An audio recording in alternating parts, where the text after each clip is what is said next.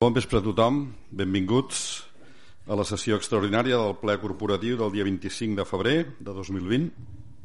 Abans de començar el ple, excusar a la senyora Anna Maluquer, que es troba fora de Cabrera i no podia assistir a aquest ple.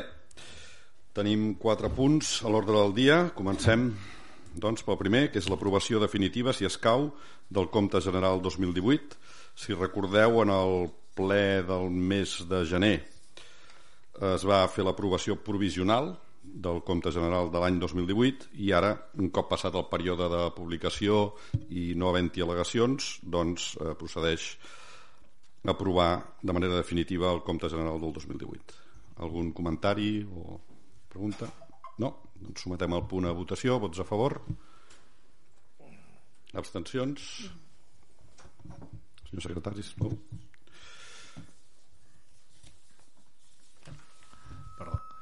Queda aprovat per 8 vots a favor i dues abstencions. Molt bé, moltes gràcies.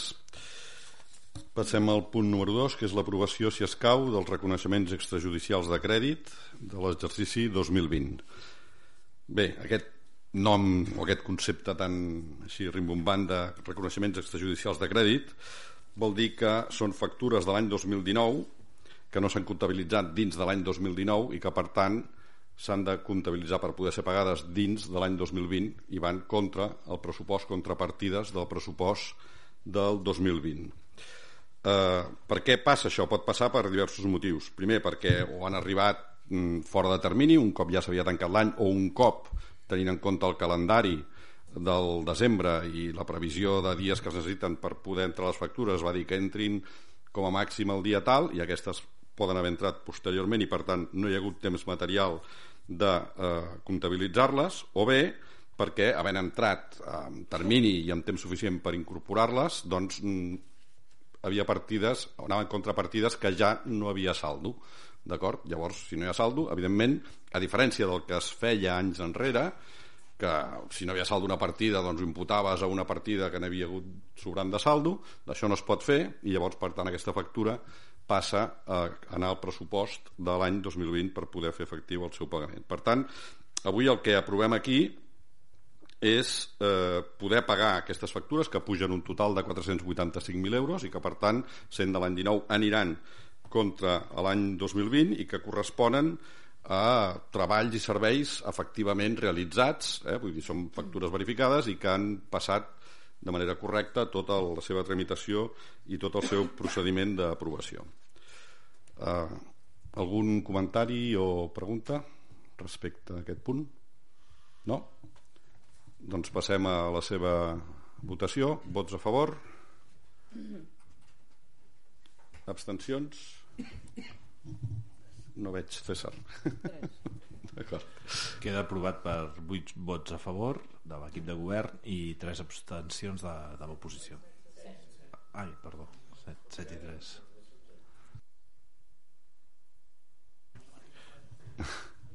Molt bé, gràcies. Passem al següent punt, que és l'aprovació inicial, si escau, de la modificació puntual del POUM en l'àmbit del sector no delimitat 2, Villa Bugatti i les Corts 2.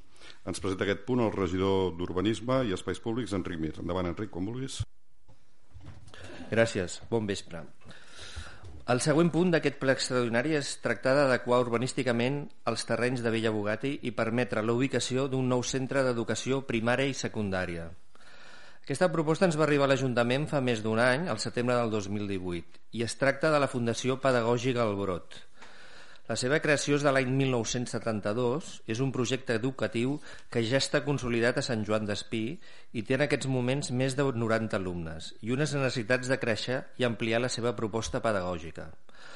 Els principals objectius de l'Escola al Brot són donar la possibilitat d'una escolaritat adequada a l'alumne amb dificultats d'aprenentatge, atendre el procés de reeducació necessari, si convé també en horari extraescolar, realitzar l'exploració psicopedagògica i orientar el treball a realitzar en tots els camps on es mou i o treballa l'alumne amb dificultats i donar una orientació familiar i assessorament continuat amb tutories. Bàsicament es tracta d'un projecte per nens amb dificultats d'aprenentatge intervenint per aconseguir un millorament d'aquests amb dificultats en tots els àmbits educatius. Aquest govern hem considerat que és un projecte de qualitat i molt enriquidor per al nostre municipi i que ens dona un alt valor educatiu, com sempre hem intentat i que és una molt bona oportunitat per tots. Per aquest projecte, la Fundació El Brot ha valorat l'adquisició de la finca de Villa Bugatti i poder desenvolupar aquest creixement del seu model d'ensenyament al nostre municipi. Per fer possible aquest projecte, en aquest espai, és necessari fer una modificació d'adequació urbanística d'aquest sector i és aquesta modificació puntual del POU la que portem a aprovació en aquest ple.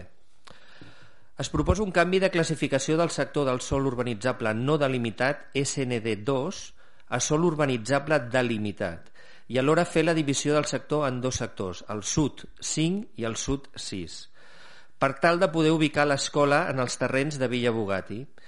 Per això és necessari aquesta modificació del POM per realitzar un canvi d'ús que el planejament vigent els otorga es proposa passar de l'ús residencial a equipament educatiu privat.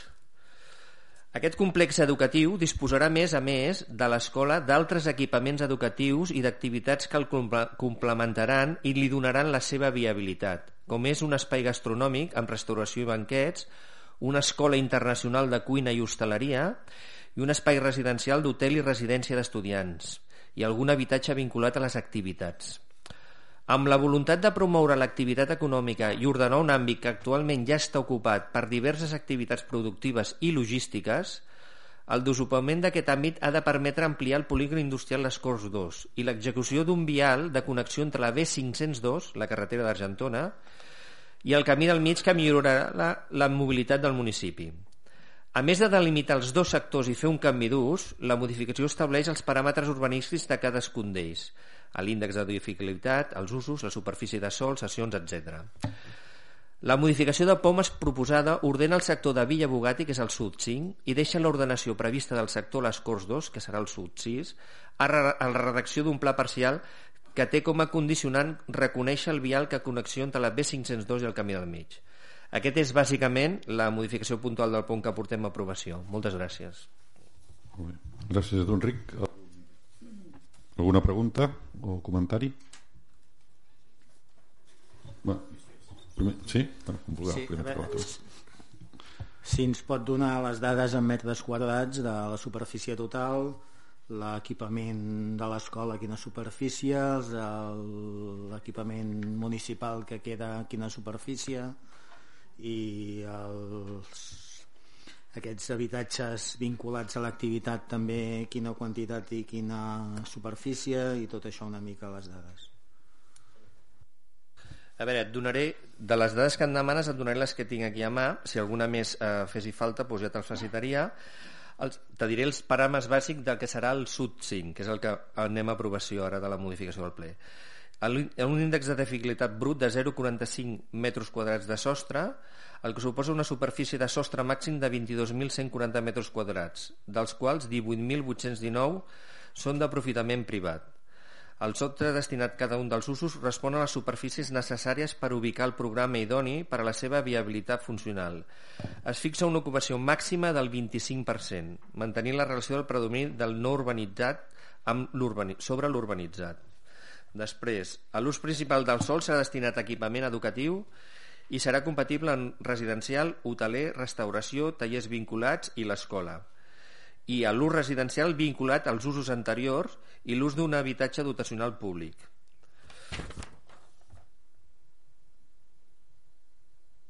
Aquí diu, eh, no, perquè després en parla dels paràmetres bàsics del sub 6, que no és el que modifiquen en aquest cas. Aquestes serien unes xifres de les que tinc a mà. Si alguna més necessites, doncs ja te la buscaré i te la donaria.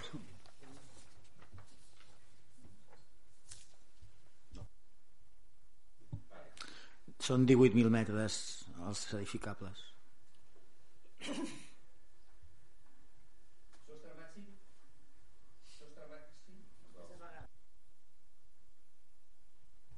Aquí posa que un sostre màxim són 22.140 metres quadrats. Màxim sostre.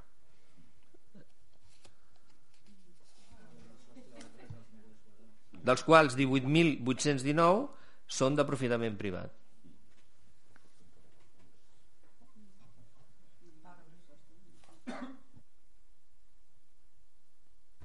Llavors, eh, parlar de sostre, amb quina alçada va?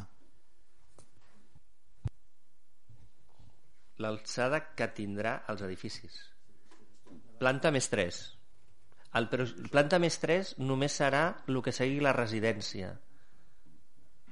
El que sigui residència, planta més 3. Però els altres edificis són edificis que són escola, que és planta més 1 o planta més 2 màxim però només està contemplat tenir una, la residència on te faran on pels estudiants o per dur que serà planta més 3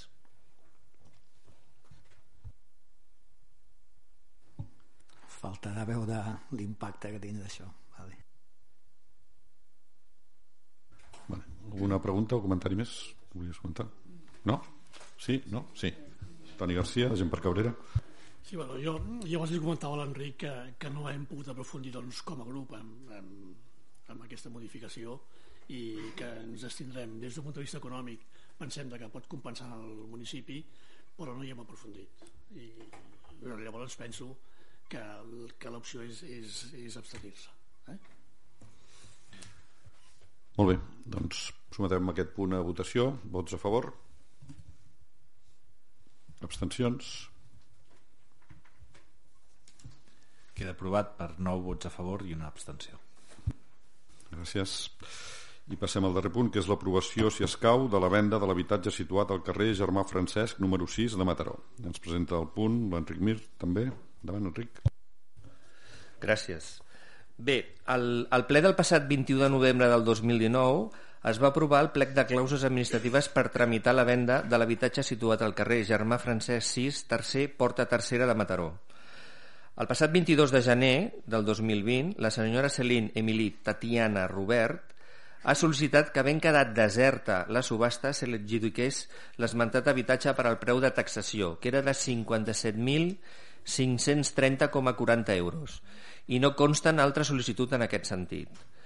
Per tant, es proposa aquest ple l'adopció de l'acord d'adjudicar a la senyora Celine Emil Tatiana Robert la venda de l'habitatge situat al carrer Germán Francesc 6, pis tercer, porta tercera de Mataró i requerir a l'adjudicatària per a que en el dia i hora que sigui citada comparegui davant notari que se li indiqui per tal de formalitzar l'oportuna escriptura pública de compra-venda en quin acte haurà de fer efectiu el pagament del preu.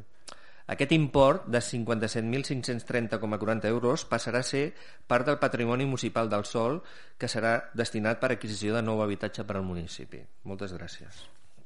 Molt bé, gràcies a tu, Enric. Alguna pregunta o comentari? No? No? Doncs passem a votació. Vots a favor? Molt bé, doncs queda aprovat per unanimitat dels assistents. Perfecte, doncs moltes gràcies. Finalitzem aquí el ple extraordinari d'avui. Gràcies a tothom. Bon vespre i fins la propera.